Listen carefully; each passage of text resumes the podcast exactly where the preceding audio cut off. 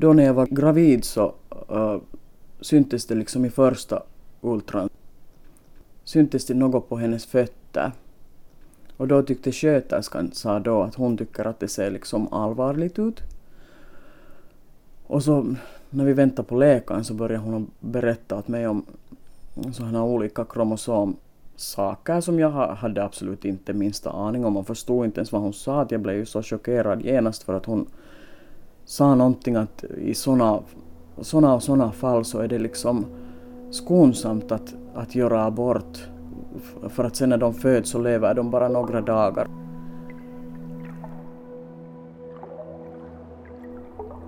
När Maria och Marko Heikuras dotter föddes för tre och ett halvt år sedan var föräldrarna beredda på att allt kanske inte var som det skulle. Men de kunde inte ana hur allvarligt läget skulle bli för lilla Varja. Maria blev närstående vårdare för sin varga och har fått märka att närstående vårdare ofta lämnas ensamma med sina problem.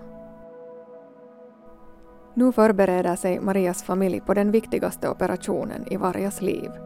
En ryggoperation familjen väntat på ända sedan Varja föddes. Du lyssnar på radiodokumentären Hon som simmar under isen och jag som gjort programmet heter Karin Pennanen.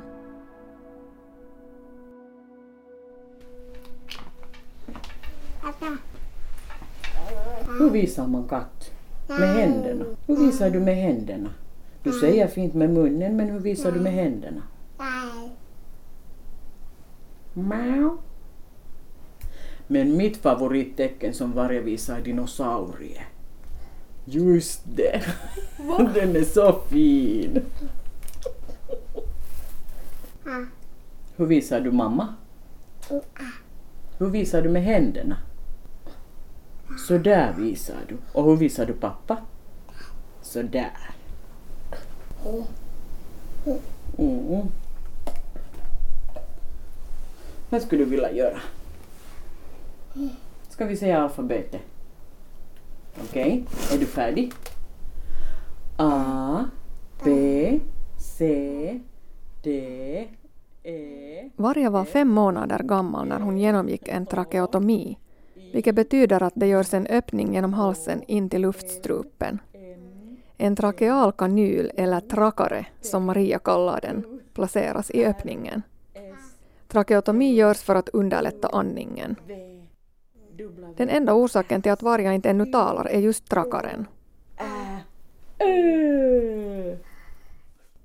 Varja gjorde inga ljud under de två åren som hon hade trakealkanylen, utan lärde sig istället att kommunicera med tecken. Hon har också börjat läsa redan som treåring. För ett knappt år sedan blev Varja till slut av med trakaren. Nu lär hon sig tala med stöd av talterapeuten Emilia Ginström. Sådär. Så, oh, nu kommer Emilia. Vet du vad, nu måste mamma sätta dig på soffan så att jag kan öppna dörren.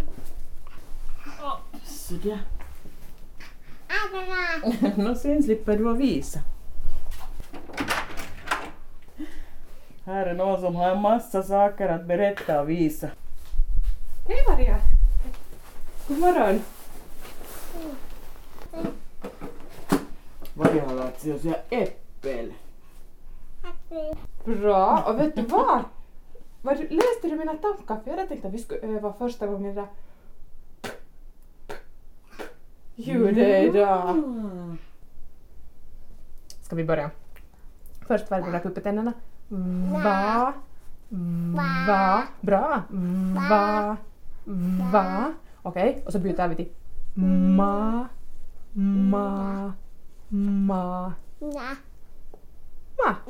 Snyggt! Oj, så duktigt!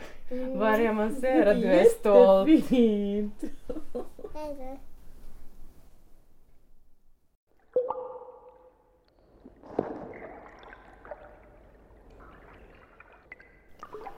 Vi var hela, hela graviditeten så sprang vi till olika specialläkaren och tog alla, alla möjliga prov och allt och ingenting hittades.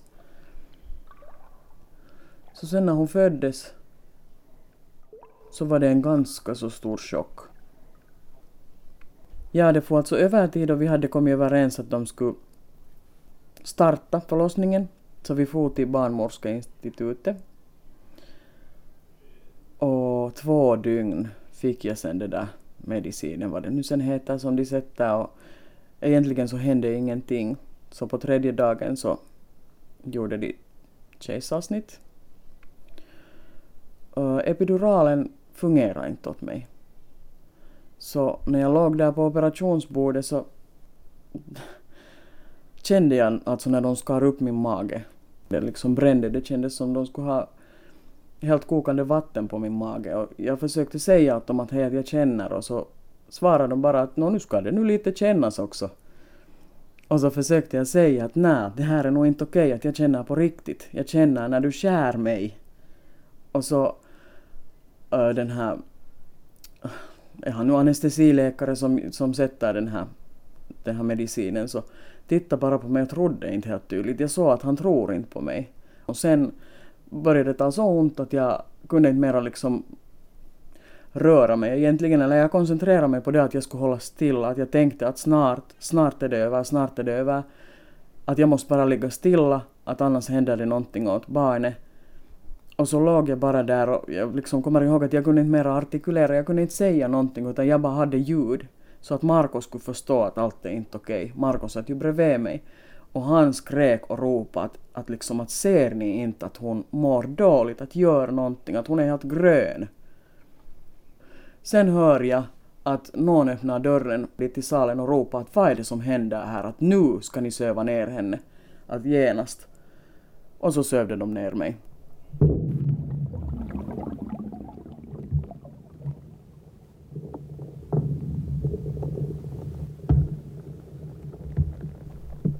Och sen när jag vaknade till så trodde jag att jag var ännu också i den här situationen så jag fick helt panik där och det tog en tid före jag förstod att okej okay, att allt var över och sånt hänt och sen kommer barn, barnläkaren och berättade åt mig sen att, att no, egentligen så var det så att jag såg på hennes min att allt är inte bra. Och jag sa åt henne att jag vill att hon är tyst, att hon får inte säga någonting åt mig förrän Marco kommer på plats. Och så ropade jag bara åt de där sköterskorna att, att ringa åt Marco att han ska komma hit och så sa de någonting att, att hans telefon är upptagen och han är inte där på rummet, att de hittar inte honom.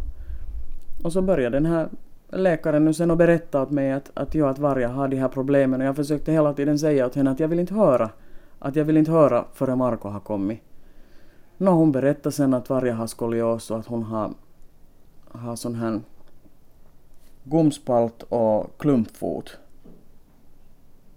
Och hon var så allvarlig att jag tänkte att det är jättedåligt så här efteråt. När jag tänker så är inte de där tre sakerna nu så hemska men alltså det var ju liksom så dramatiskt då. Och sen plötsligt kommer Marcos sen dit till, dit till rummet var jag var och han är helt jätteglad. Han har kamera i handen och han är helt överlycklig. Och jag är sådär att, att liksom att, Äh, att vad är det? Att jag bara gråter och Marco försöker trösta mig och försöker visa foton utav varje åt mig. Och jag sa att jag vill inte se de där fotona, att, att få bort den här kameran och han förstår inte alls varför jag gråter. De hade inte berättat någonting åt Marco. De hade bara gratulerat honom att han har fått en dotter. Och Marco hade varit ute och ringat åt alla våra familjemedlemmar och berättat att vi har fått en dotter.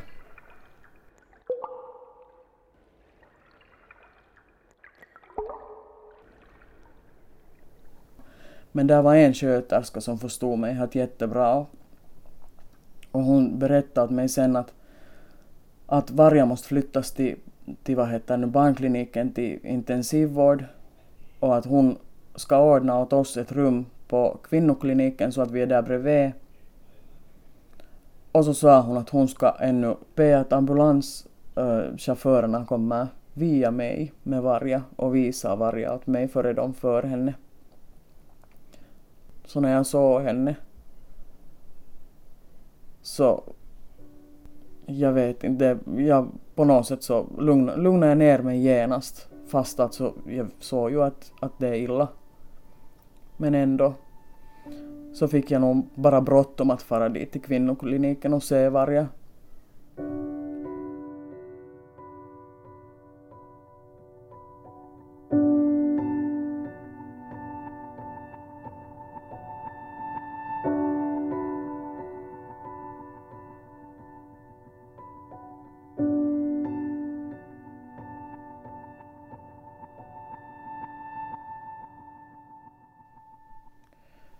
Men de först, två första dagarna så fick vi alltså inte ens röra varje. Vi fick se henne och hon var fast i en massa maskiner och allt sånt här. Men vi fick inte röra henne och ingen, ingen berättade åt oss vad det är frågan om.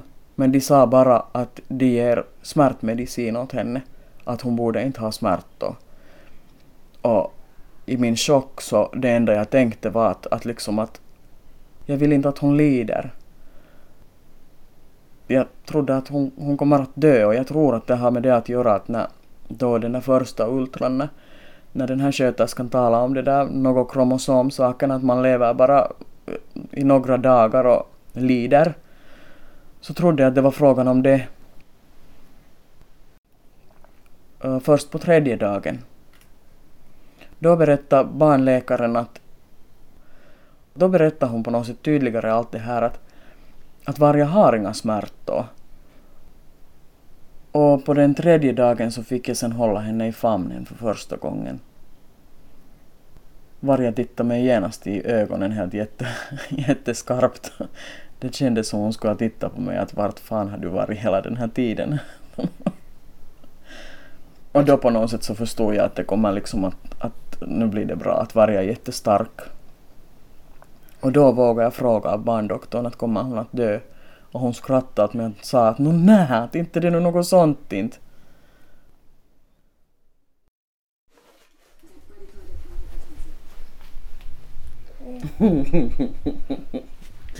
är det roligt? Hej, nu kommer musiken.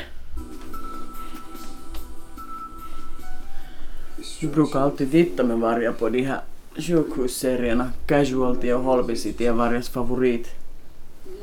Nu till exempel så gör de någon operation där så ser varje de där operationssalarna och kläderna och allt det här så ser, känns det inte säkert så konstigt sen när vi ser dem på riktigt. Trakaren är ju jättespännande förstås. När hon har själv haft trakare så visar hon genast att om någon har trakare där i TVn. Visar hon genast på halsen att titta. Just det, titta. Och speciellt om de gör något sug. Sen måste man genast titta. Eller om de tar blodtryck eller blodprov eller något stetoskop måste man också alltid peka på att hej där är stetoskop. Men maskerna är sånt att de är skrämmande. Så det, det är liksom jätteviktigt att varje blir van med det. Titta nu är det maskinen som piper. Vet du, de är opererade men ingen har munskydd och så där får man nog på riktigt inte göra för man ska ha munskydd. Det är bara i TV som de gör sånt här. Ladies, prepare for your jewels to hit the floor. Duschpennorna. Varje har en genetisk sjukdom som man inte egentligen vet ens vad det är för att man har inte hittat några förändringar i generna. Men det är den enda förklaringen att det måste vara något sånt som påverkar på hennes benbyggnad främst. Det hör nog en massa annat också till det men och det betyder alltså att de är bara fysiska, att varje är ju jättefiffig och, och liksom helt en vanlig flicka, en vanlig tre och en halvåring med jättestark vilja och, och hon är jättelivlig och lekfull och vill lära sig helt massor hela tiden. Hon kan ju inte gå förstås, kommer hon knappast någonsin att kunna heller. Hon är så hypotonisk, hon är så mjuk, alltså hennes muskler är så mjuka att hon kan inte sitta heller.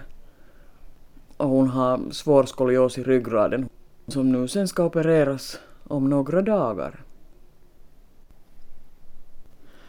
Sen när ryggen opereras och blir rakare så kommer hon hoppeligen att kunna sitta. Så skulle hon få rullstol men alltså det största är nog kanske det där sen att lungorna får mera utrymme, att hon kan sen andas bättre. Mitäs meillä hyrältiin? Illalla. Niin, no eilen me hyräiltiin ihan vaan ääniä. Meni ihan niinku Mm, Harja teki. sama sävelee kaikki kolme hyrältiin ja Skulle du vilja sjunga Trollbår? Lauletaanko? Plåsterflicka, vill du sjunga? Vargas ryggrad kommer att förstärkas med metallstänger som skruvas fast i ryggkotorna så att ryggen rättar på sig. Med hjälp av magneter kan man förlänga dessa metallstänger när barnet växer och de byts ut med några års mellanrum. Maria och Varja har varit på ett förberedande besök på barnsjukhuset inför den kommande operationen. No, Marja ei todellakaan ollut iloinen siitä käynnistä. Heti kun näki, näki että mihin me tultiin taksilla, niin oli kyllä tosi, tosi äkäne. Sitten siinä meillä oli eka röntgen, otettiin keuhkokuva ihan varmuuden vuoksi, että ei ole keuhkoissa mitään, kun on ollut kuitenkin vähän limanen. Ja anestesialääkäri, se ketä me tavattiin, kävi konsultoimassa toista ja ne pohti siinä keskenään, että mitä mieltä ne on siitä, että, että mennäänkö me sinne leikkaukseen. Ja ne tuli siihen tulokseen, että joo. Mutta sitten jos me ollaan sitä mieltä, että ei, niin sit sitä ei tehdä. Ja sovittiin tällainen, että jos toinen on sitä mieltä, että ei, ja toinen on sitä mieltä, että joo, niin silti. Joo, että jos jommalla kummalla on semmoinen fiilis, että ei pidä tehdä, niin sit sitä ei tehdä. Että yhteinen päätös. Mutta ei se muuta. Sunnuntaina mennään Wow. sisään sitten sairaalaan ja maanantai-aamuna aikaisin olisi leikkaus. Ja Tykkää että mamma on ontti i huvudet Mut när mamma ska mitään rohinaa ollut eikä mitään. Ja... Mm-hmm. Joo, se rohina loppui taksissa matkalla kotiin. Niin se oli varjan tämmöinen puolustusmekanismi.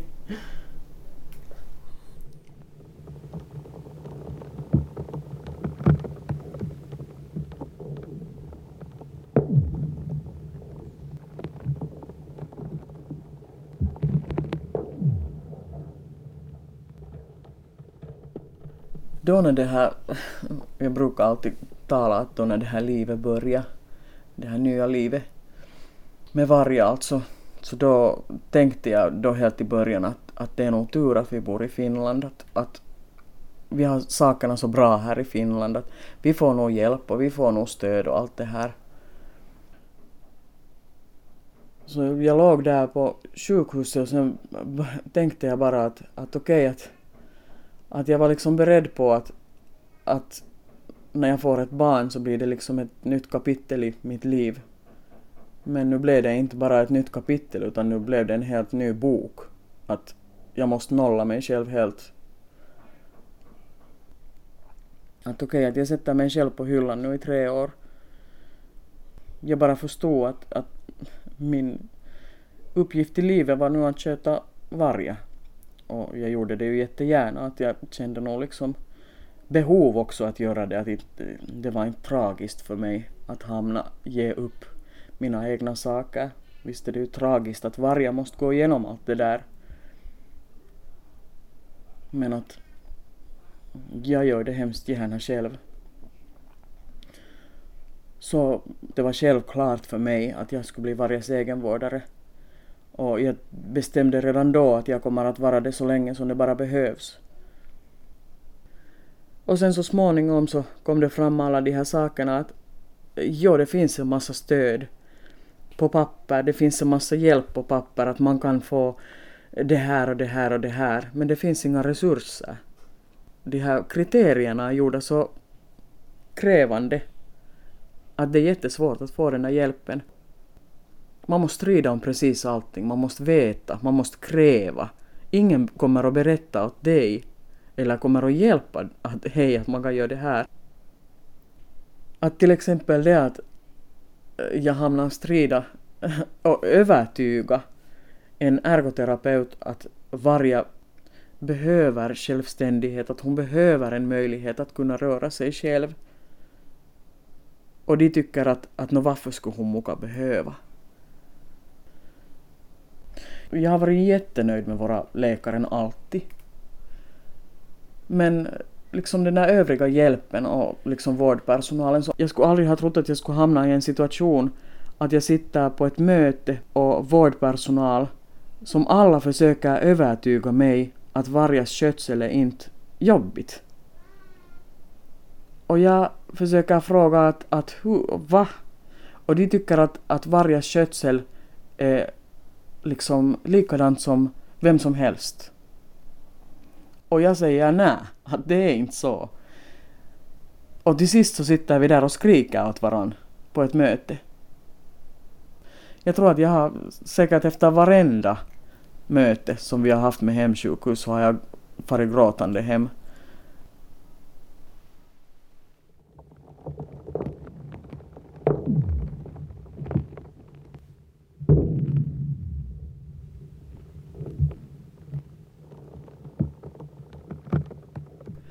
Jag tänkte vid något skede så tänkte jag att jag har sån känsla att någon skulle hålla mig under vattnet.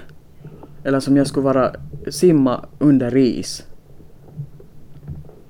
Och att där någonstans finns det där hålet men jag måste bara fortsätta att simma.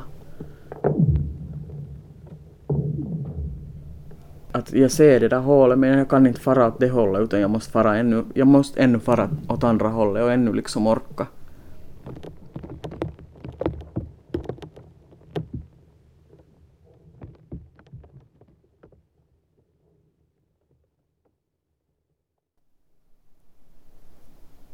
Ja, jag är nog orolig.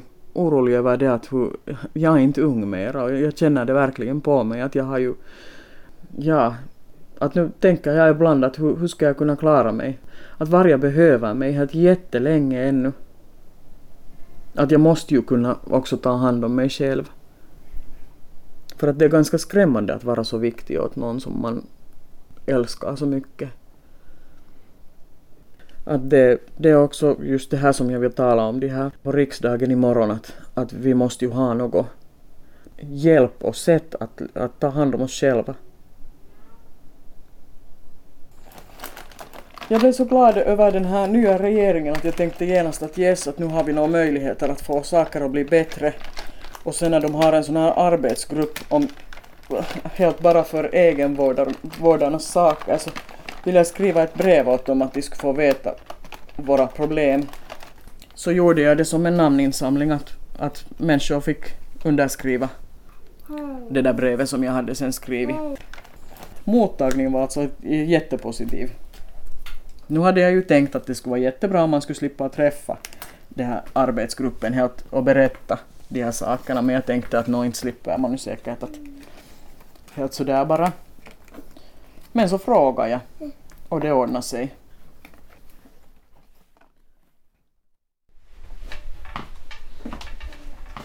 Idag är Maria och Varja på väg till riksdagen. Nåja, då ska vi ändå kolla att vi har allting med. Vi har dina saker där nere. Mamma har telefonen och körkortet som nog har gamla efternamnet men det gör ingenting. Olisi valmista. Tsemppiä kulta. Kiitos. Hyvin se menee. Nåja, är du färdig? En, två, tre. Oj, ser du? Hej då pappa. En, två, tre, fyra, fem, sex, sju, åtta. Skrammel, skrammel. Mamma, vad gör du i stan senast? Ja, det är ganska länge sen sist, men dit ska vi fara. Wow, wow. Nu öppnar han de där bälten.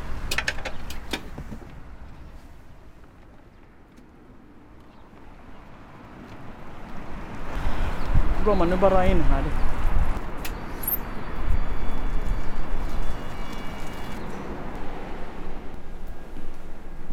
Huomenta. Huomenta. Meillä on tapaaminen Anneli Kiljusen kanssa kymmeneltä. Joo, Maria Heikura on mun nimi. joo. Siitä ole hyvä tulla tarkasti. Kiitos.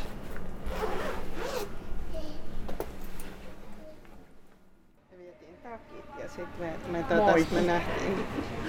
Maria Heikura, me ollaan viestitelty. Moi, Tosi kiva, kun sä pääsit. Rantasen Maria. Moi. Moi taas, moi. Kukas täällä on? Varja. Moi. Kiva, kun sä tulit tänne eduskuntaan.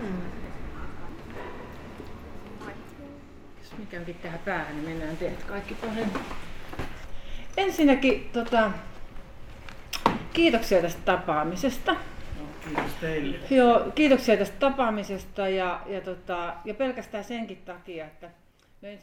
Mötet tar långt över en timme.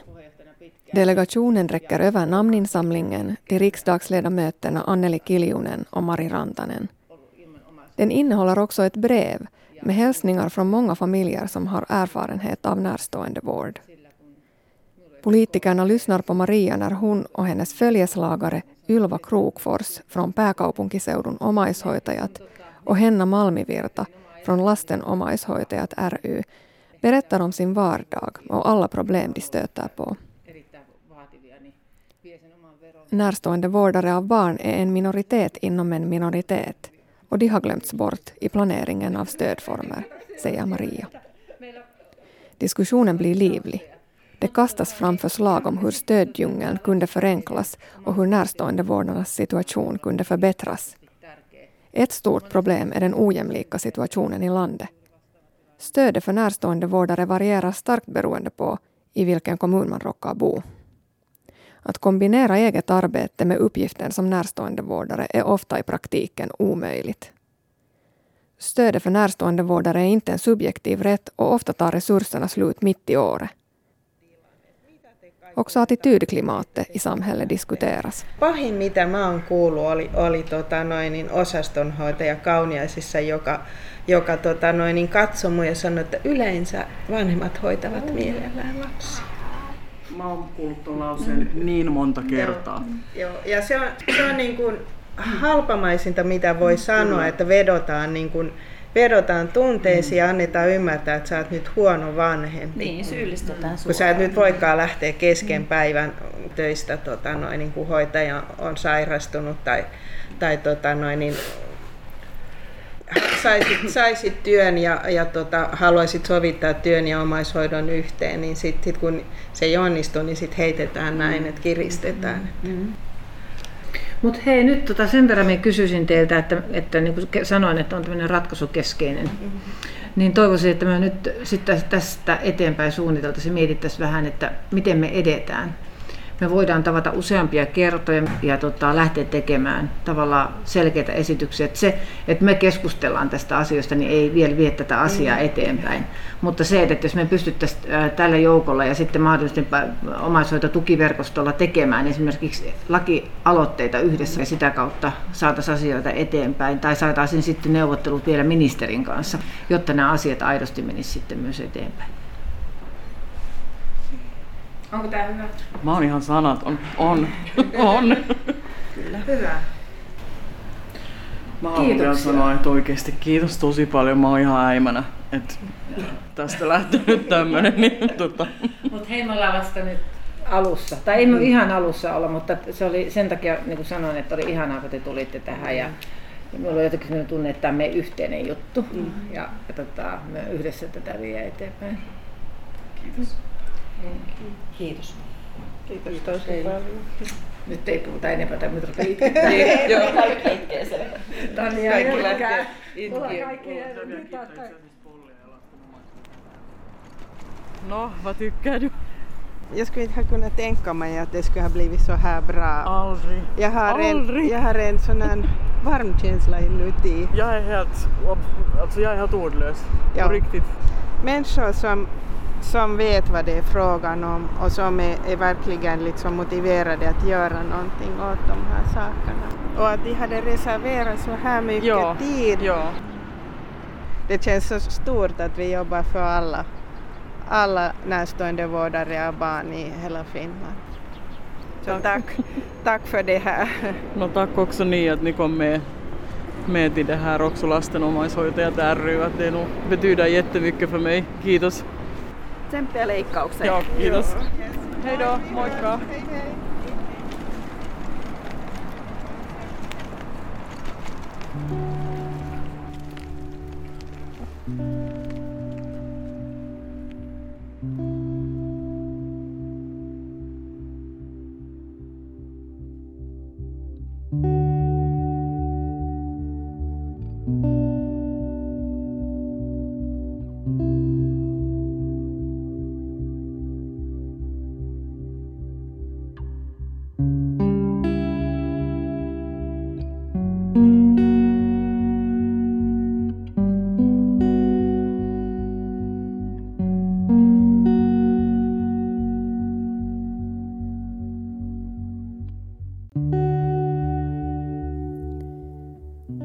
Maria avslöjar att det inte var en slump att hon ordnade namninsamlingen just nu.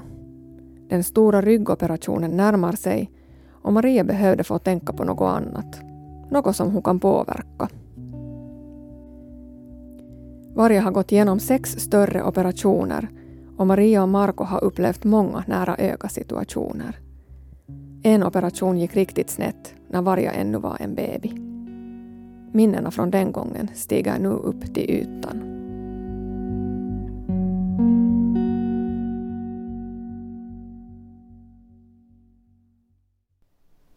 Det var första gången som vi hade vågat fara från sjukhuset tillsammans med Marco. Att vi tänkte att nu far vi ut och äta. Och de sa åt oss att, att när vi ser ju inte ändå varje sen när hon var på, eh, på intensivvårdavdelningen att efter operationen så skulle vi inte ändå få se henne att, att nu ska ni nu fara bara och, och vad heter det, slappna av lite och så här. Men det där samtalet, samtalet sen kom och kirurgen ringde och, och frågade av mig att är ni här på sjukhuset?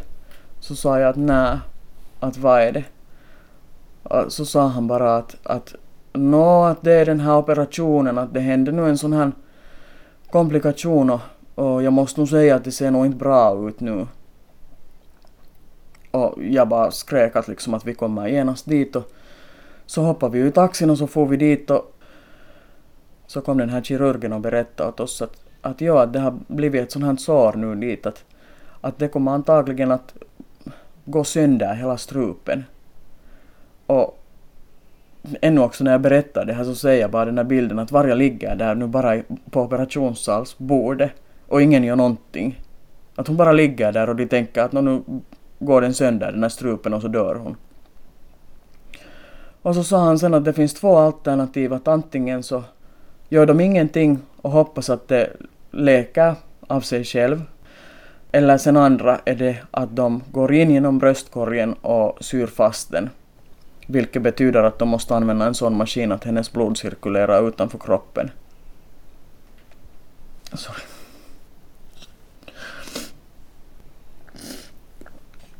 No.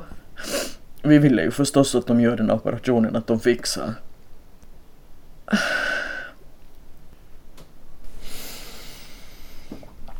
Och vad heter det nu så kallade de in sen två hjärtkirurger ännu till att det var tre kirurger som sen opererade på henne och, och så då får vi hem och vänta att de ringde. De ringde alltid nu och då. Sköterskorna och berättade åt oss att allt är lugnt, att ingen springer omkring, att det ser bra ut. Och sen någon gång, jag tror att klockan var redan tolv på natten eller någonting, så ringde de och sa att det hade gått helt jättebra. Men att sen, sen började livet med trakaren. Ah, ja, jag är helt jättenervös. Jag är förstås jag är ju rädd att det händer någonting i operationen, något som de inte hade, har kunnat vänta sig.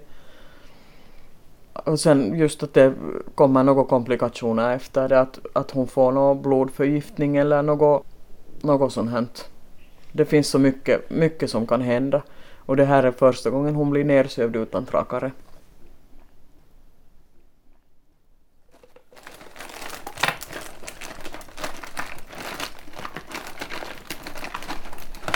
Titta, mamma hittade dem så här lätt. Jag skulle inte ha trott, hör du. Vill du ha grisen först? Vill du att den är där? Man måste sätta den dit så här. Mamma talar just om det där att vad som ska hända nästa vecka när vi far dit till sjukhuset. Just det, din rygg. Och sen efter det hoppas vi att du inte behöver ha mera det där gipset. Tänk om du skulle kunna vara utan gips. Mamma skulle alltid kunna göra så här.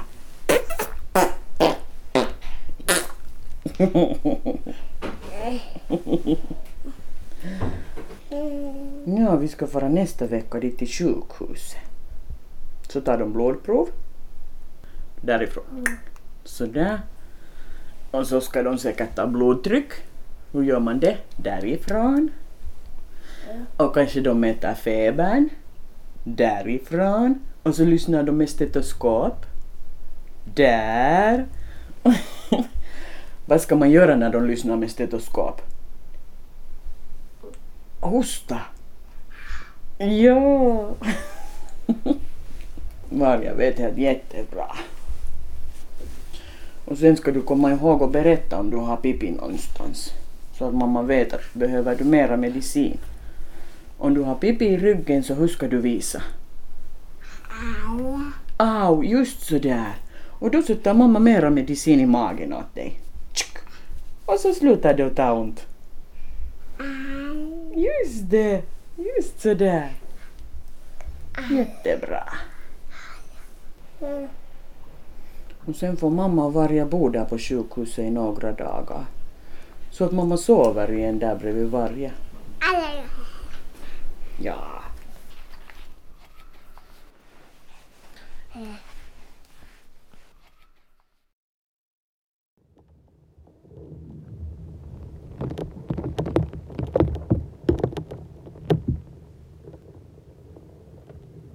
Det är en solig och klar dag. Vattenpölarna har frusit i is under natten. En vanlig måndag för de flesta av oss. Klockan åtta på morgonen sätts Varjas operation igång på barnsjukhuset. Maria sitter vid Varjas sida när hon sövs ner. Sen måste Maria lämna rummet. Kirurgen påbörjar den utmanande operationen. Nu kan Maria och Marco bara vänta.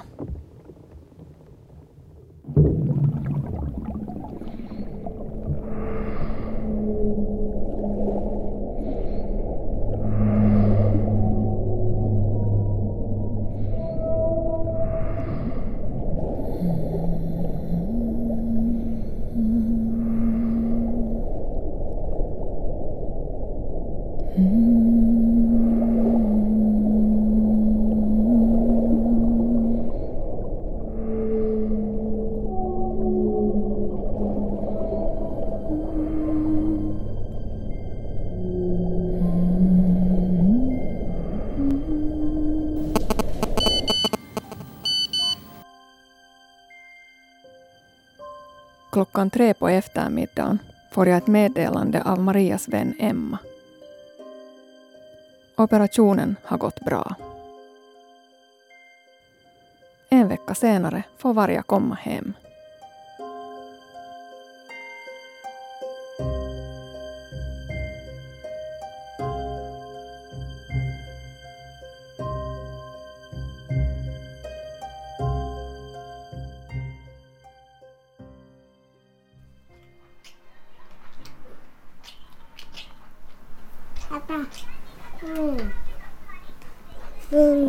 Är det för ljud?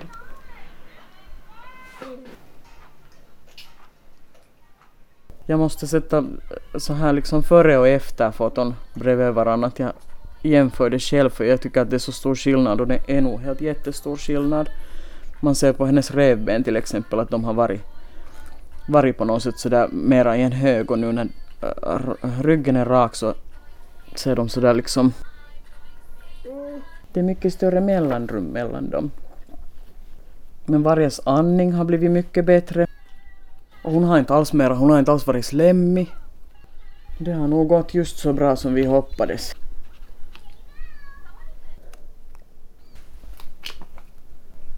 Jo, du får sätta där. Är det samma? Men ska du spara den och sätta den, eller sätta den här fast? Så där många! Varje gång de tar blodprov får varje klistermärke för hon är så jätteduktig. Vad har du där för något? Oh, sköldpaddan! Wow! Tycker du att den är finast? Okej.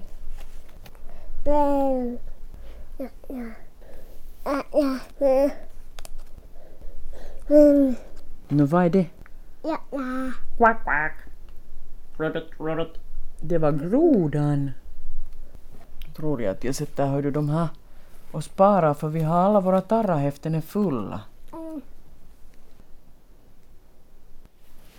att nu efter operationen sen när allt är över och, och hon mår bra så skulle Varje börja dagis. Det, det är ett stort mål att jag tror nog att det skulle vara jättebra för Varje att hon är så pass social att hon skulle slippa leka med andra barn. Men att sen när hon slipper i rullstol och kan röra sig själv och sånt här så och tala. Sen när hon kan tala. Att det, det är nog jättespännande. Jag vet inte hur jag klarar av det. är jag någonstans i buskarna gömman.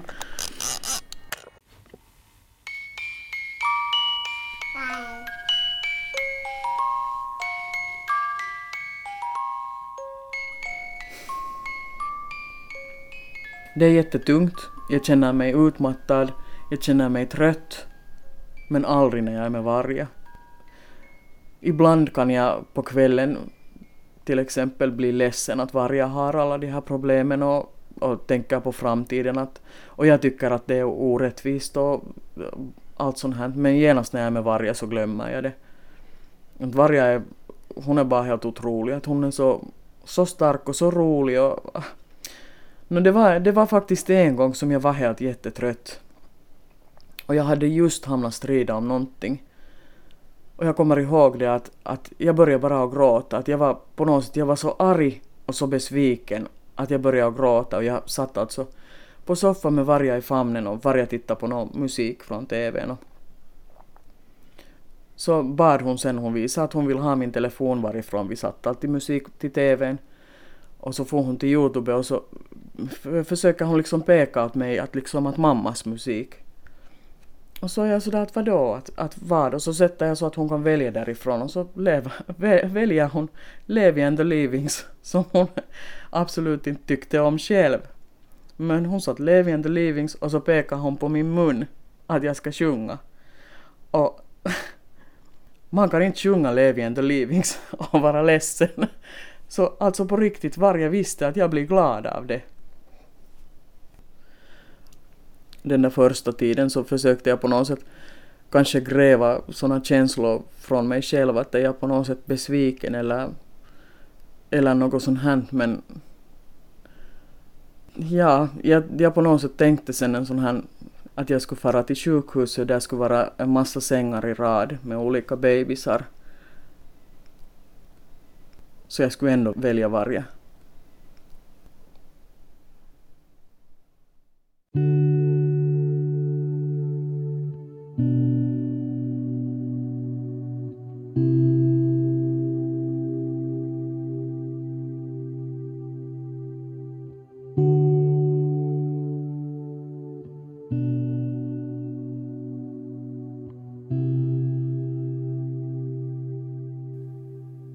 Du har lyssnat på dokumentären Hon som simmar under isen med Maria, Varja och Marko Heikura. Andra medverkande var Ylva Krokfors, Henna Malmivirta, Anneli Kiljunen, Mari Rantanen och Emilia Ginström. För ljuddesignen stod Anne Heikkilä. Are Nikkinen gav dramaturgiska råd. Staffan von Martens var producent och jag som har regisserat dokumentären heter Karin Pennanen.